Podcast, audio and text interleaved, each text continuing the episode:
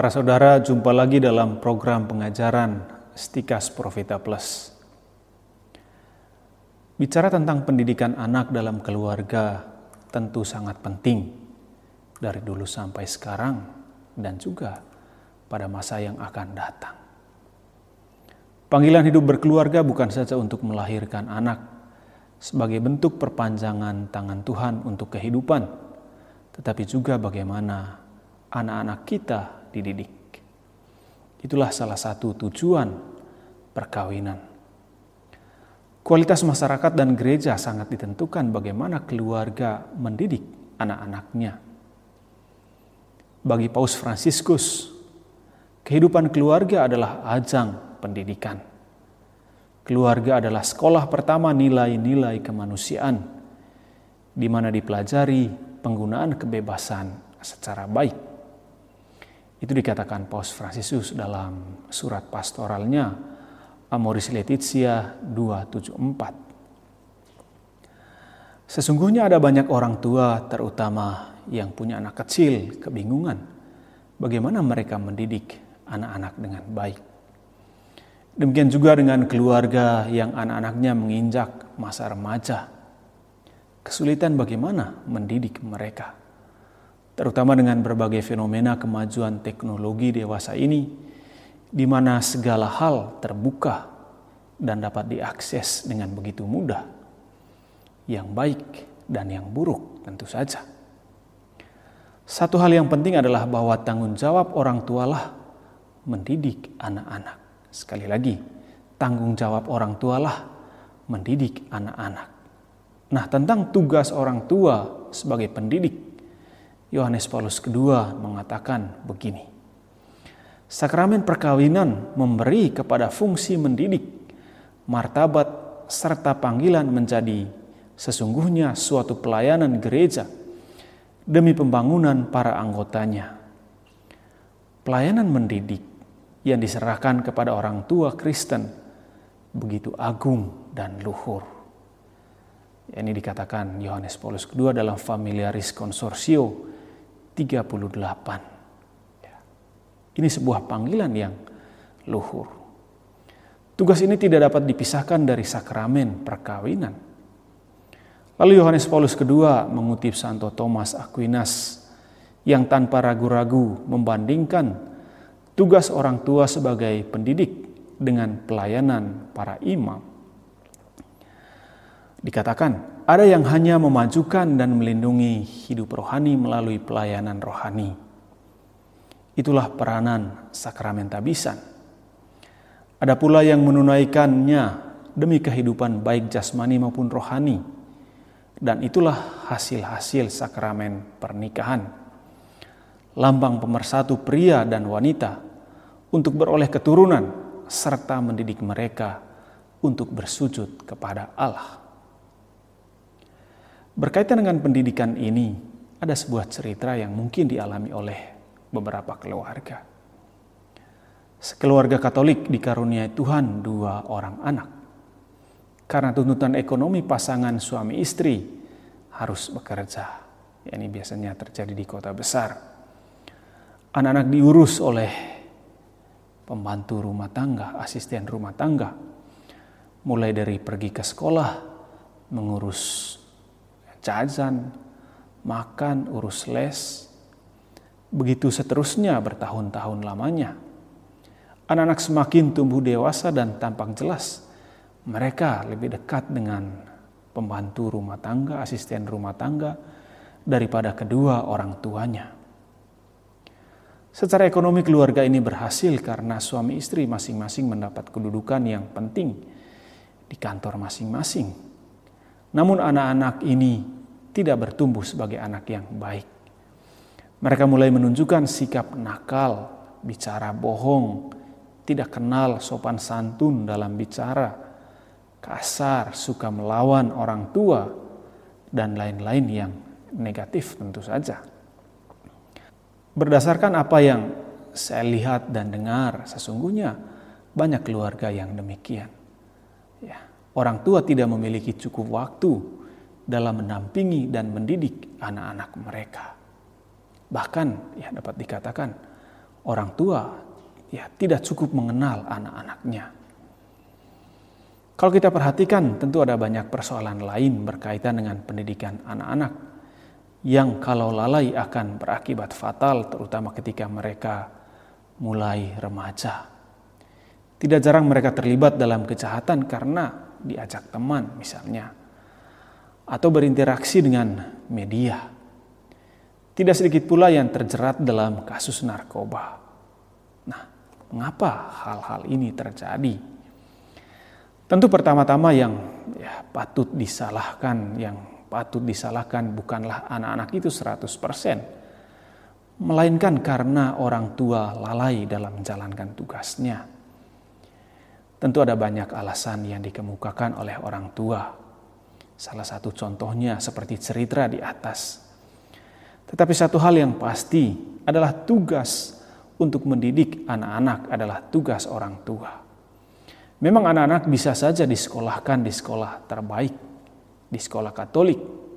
Ya, tetapi kadang-kadang terbaik dalam ukuran apa dulu? Mungkin sekolah mutu secara intelektual, tetapi kita sering kali lupa mendidik anak dalam semangat kasih yang membentuk pribadi mereka. Ada banyak anak yang pintar di sekolah, tetapi sering kali mereka ya nakal, tidak kenal sopan santun, kasar, tidak peduli dengan lingkungan sekitar, bicara kasar dengan orang yang lebih tua, ya tidak ramah dan lain-lain. Pendidikan anak dalam keluarga Kristen tidak saja menekankan kepandaian, tetapi juga pendidikan iman dan moral. Pendidikan intelektual ya, diserahkan kepada para guru, di mana orang tua dapat memilih sekolah yang baik, sekolah yang benar. Namun pendidikan iman dan moral diserahkan kepada keluarga. Karena mereka dididik sejak dini. Artinya, sebelum menempuh pendidikan intelektual di sekolah. Orang sering kali menyerahkan anak-anaknya ke sekolah, tetapi moral dan akhlaknya yang mestinya tugas orang tua diabaikan. Lalu apakah gereja Katolik berbicara tentang pendidikan keluarga? Ya, ajarannya ada. Sekali lagi saya ingin mengambil dari ajaran yang diberikan Paus Yohanes Paulus II dan Paus Fransiskus. Kok dari Paus? Mereka tidak tahu bagaimana mendidik anak-anak. Begini, Paus membuat ajaran yang disebut dengan surat pastoral bukan dari pikirannya sendiri. Ya, misalnya saat Paus membuat ajaran tentang keluarga Amoris Laetitia tahun 2015, ya, Paus Fransiskus mengumpulkan para uskup dan kardinal ya, sebelumnya. Mereka mengadakan rapat pertemuan di Roma yang disebut dengan Sinode para Uskup. Tujuan sinode ini adalah berdiskusi mengenai berbagai perkembangan tentang keluarga di seluruh dunia, tantangan-tantangan yang dihadapi, apa model pastoral yang tepat untuk mendampingi keluarga dalam masalah-masalah terkini? Poin-poin penting diskusi para uskup ini diserahkan kepada Paus, lalu Paus merangkum semua diskusi itu dan biasanya setahun kemudian diterbitkan. Misalnya Amoris Laetitia, ya para uskup kumpul tahun 2015, lalu ajaran Paus ya diterbitkan tahun 2016. Nah ini yang disebut dengan surat pastoral. Ya. Juga hal yang sama dengan familiaris consortio. Ya.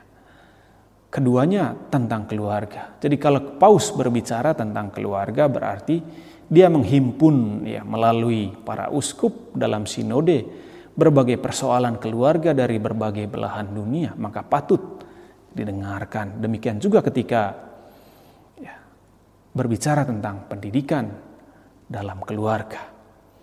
Nah, kita kembali ke persoalan tentang pendidikan anak. Saya mengajak saudara untuk menelaah apa yang diajarkan Yohanes Paulus II dalam Familiaris Consortio. Hal ini sangat menarik menurut saya. Yohanes Paulus II mengutip apa yang diajarkan oleh Konsili Vatikan II.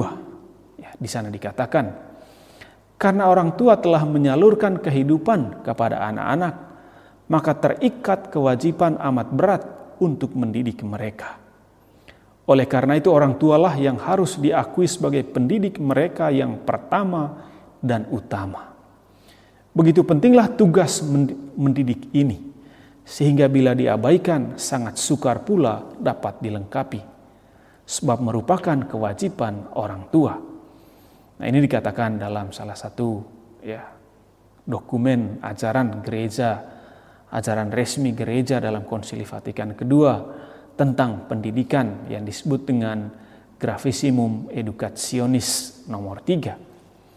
Nah, orang tua menyalurkan kehidupan dari Allah karena mereka yang melahirkan anak-anak. Sangat menarik panggilan ini. Melahirkan anak-anak adalah ya, penyaluran kehidupan dari Allah. Tetapi tugas ini tidak sampai di sini saja, saudara. Mereka memiliki tugas untuk mendidik anak-anak bahkan dikatakan sebagai pendidik pertama dan utama. Sayang sekali bahwa tugas mulia ini sering kali dilalaikan dan diserahkan begitu saja kepada orang lain. Ini bukan berarti para guru tidak boleh mendidik anak-anak. Meskipun para guru mendidik anak-anak di sekolah, pendidik utama tetaplah orang tua, dan keluarga adalah sekolah pertama, sekolah kehidupan. Tugas ini bukan tugas yang gampang. Lalu tugas ini menurut Yohanes Paulus II merupakan hak dan kewajiban. Ini bentuk penyaluran hidup manusiawi. Itu dikatakan dalam Familiaris Consortio nomor 36. Jadi ingat, mendidik anak-anak ya bagi seorang ibu atau seorang bapak adalah bentuk penyaluran kehidupan manusiawi. Tugas ini bukan saja tugas seorang istri, tetapi juga ya tugas yang dijalankan oleh suami istri kedua-duanya. Sekali lagi suami istri. Jika dalam rahim seorang ibu menyalurkan kehidupan fisik, sekarang setelah anak itu lahir, tugas itu tidak berhenti, bahkan tidak saja dilakukan oleh seorang istri tetapi juga oleh suami. Mendidik anak tidak dapat dilakukan oleh suami atau oleh istri saja, tetapi oleh keduanya. Maka betapa pentingnya keluarga yang utuh untuk suatu pendidikan anak. Begitu pentingnya hal ini, maka dikatakan bahwa tugas pendidikan anak adalah menyalurkan kehidupan manusiawi. Lalu kita bertanya, apa itu kehidupan manusiawi? Kehidupan manusiawi berkaitan dengan perkembangan kepribadian seorang anak di mana dia bertumbuh dalam kebaikan, kelembutan, tanggung jawab, sopan santun, dan lain-lain. Maka jika anak kita berbicara kasar dengan orang lain, maka itu menunjukkan keluarganya kurang mendidiknya dengan baik. Ingat tugas menyalurkan kehidupan manusiawi ini tidak dapat dipercayakan kepada orang lain atau diambil alih oleh orang lain. Yohanes Paulus kedua menekankan bahwa hal terpenting di sini adalah bahwa orang tua merupakan pendidik cinta kasih. Orang tua menjadi pendidik cinta kasih. Dalam keluargalah anak-anak dididik untuk mencintai sesama. Memiliki sikap peduli atau care dengan orang lain. Ya dengan adik, dengan kakak, serta orang tua dan menghargai orang lain. Dengan ini orang tua juga harus memberikan teladan. Tugas orang tua sebagai pendidik utama dalam keluarga bukan saja dalam kata-kata melainkan dengan memberikan teladan hidup yang baik. Tetapi Yohanes Paulus II menekankan juga bahwa mendidik anak harus dalam kebebasan yang benar. Artinya di satu pihak, orang tua tidak boleh terlalu mengajarkan hal yang kaku yang menekan pertumbuhan kepribadian anak-anak, melainkan dalam suasana kebebasan yang benar. Dengan kebebasan yang benar, orang tua membiarkan anak-anak bertumbuh dalam kepribadian mereka. Mengapa hal ini penting? Karena banyak orang tua juga terlalu mengekang kebebasan anak. Pengekangan ini membuat anak-anak menjadi takut dan sulit berkembang. Ya, hal ini terungkap dalam bahasa, misalnya kata mama, kata papa, ini terus diulangi. Ya, Sesungguhnya banyak keluarga mendidik anak dalam suasana ini, di mana orang tua hadir sebagai orang tua yang otoriter terhadap anak-anak. Sehingga kalau melihat orang tuanya, anak-anak menjadi takut. Mendidik dalam kebebasan yang benar harus membantu kepribadian anak-anak, bukan menciptakan suasana atau rasa takut. Jika demikian, itu berlawanan dengan tugas orang tua menyalurkan cinta kasih yang menghidupkan. Orang tua yang membawa ketakutan dalam keluarga membuat anak-anak mencari kenyamanan di luar rumah dengan teman-teman mereka ya, dan dengan situasi yang membuat mereka ya, tenang dengan pergaulan di luar rumah, mereka mendapat ketenangan. Tidak jarang sikap orang tua yang otoriter dan yang membawa ketakutan kepada anak membuat mereka dapat terjerat dalam bentuk-bentuk kejahatan seperti yang kita katakan di atas narkoba, pergaulan dan seks bebas atau kejahatan-kejahatan fisik lainnya. Tugas orang tua menjadi pendidik utama tidak lain dalam rangka mempersiapkan anak-anak menghadapi masa depan mereka. Persiapan menghadapi masa depan ini terutama berkaitan dengan membebaskan mereka dari cara berpikir materialisme. Nah, apa maksudnya cara berpikir materialisme ini? Ya, cara berpikir yang hanya berpusat pada materi, apa yang dilihat, yang dirasa, berupa barang-barang duniawi, lalu menyingkirkan Tuhan dari hidup manusia. Ketika orang menyingkirkan Tuhan dari hidupnya, orang menilai barang-barang materi menjadi nilai absolut. Pos mengingatkan orang tua untuk mengajarkan anak-anaknya nilai sementara dari barang-barang duniawi. Dalam keluarga sering kali pendidikan yang demikian tidak ada.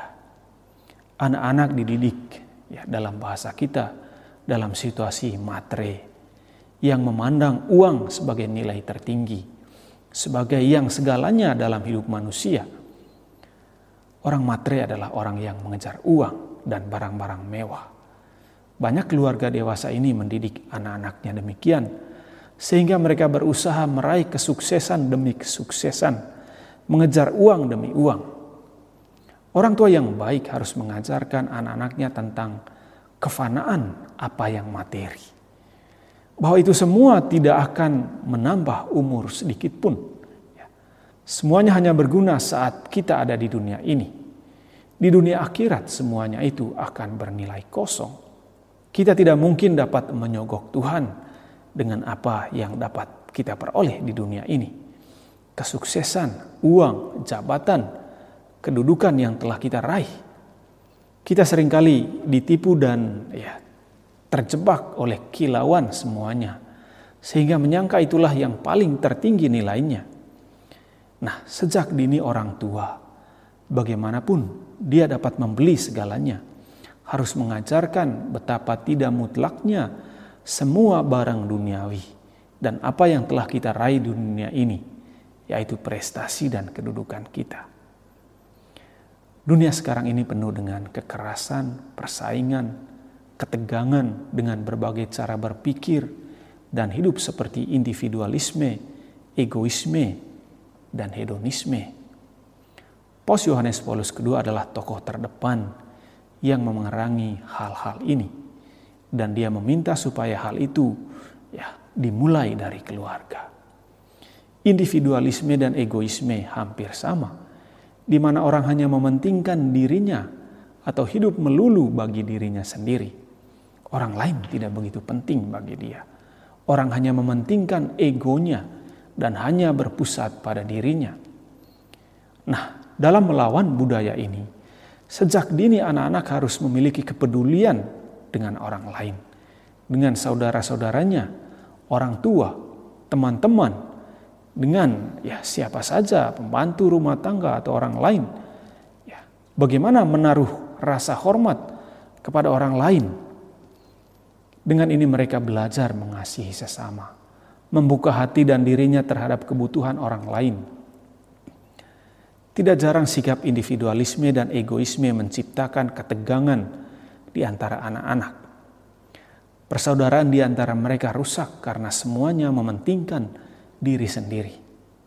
Banyak keluarga pecah, terpecah gara-gara rebutan harta misalnya. Ya. Tidak saling ya, saling tidak berbicara antara saudara dan saudara, anak-anak dan orang tua. Ini semua karena egoisme dan melawan budaya ini mestinya keluarga harus mulai harus memulainya ketika anak-anak masih kecil. Tentang individualisme ini Paus Fransiskus mengatakan begini.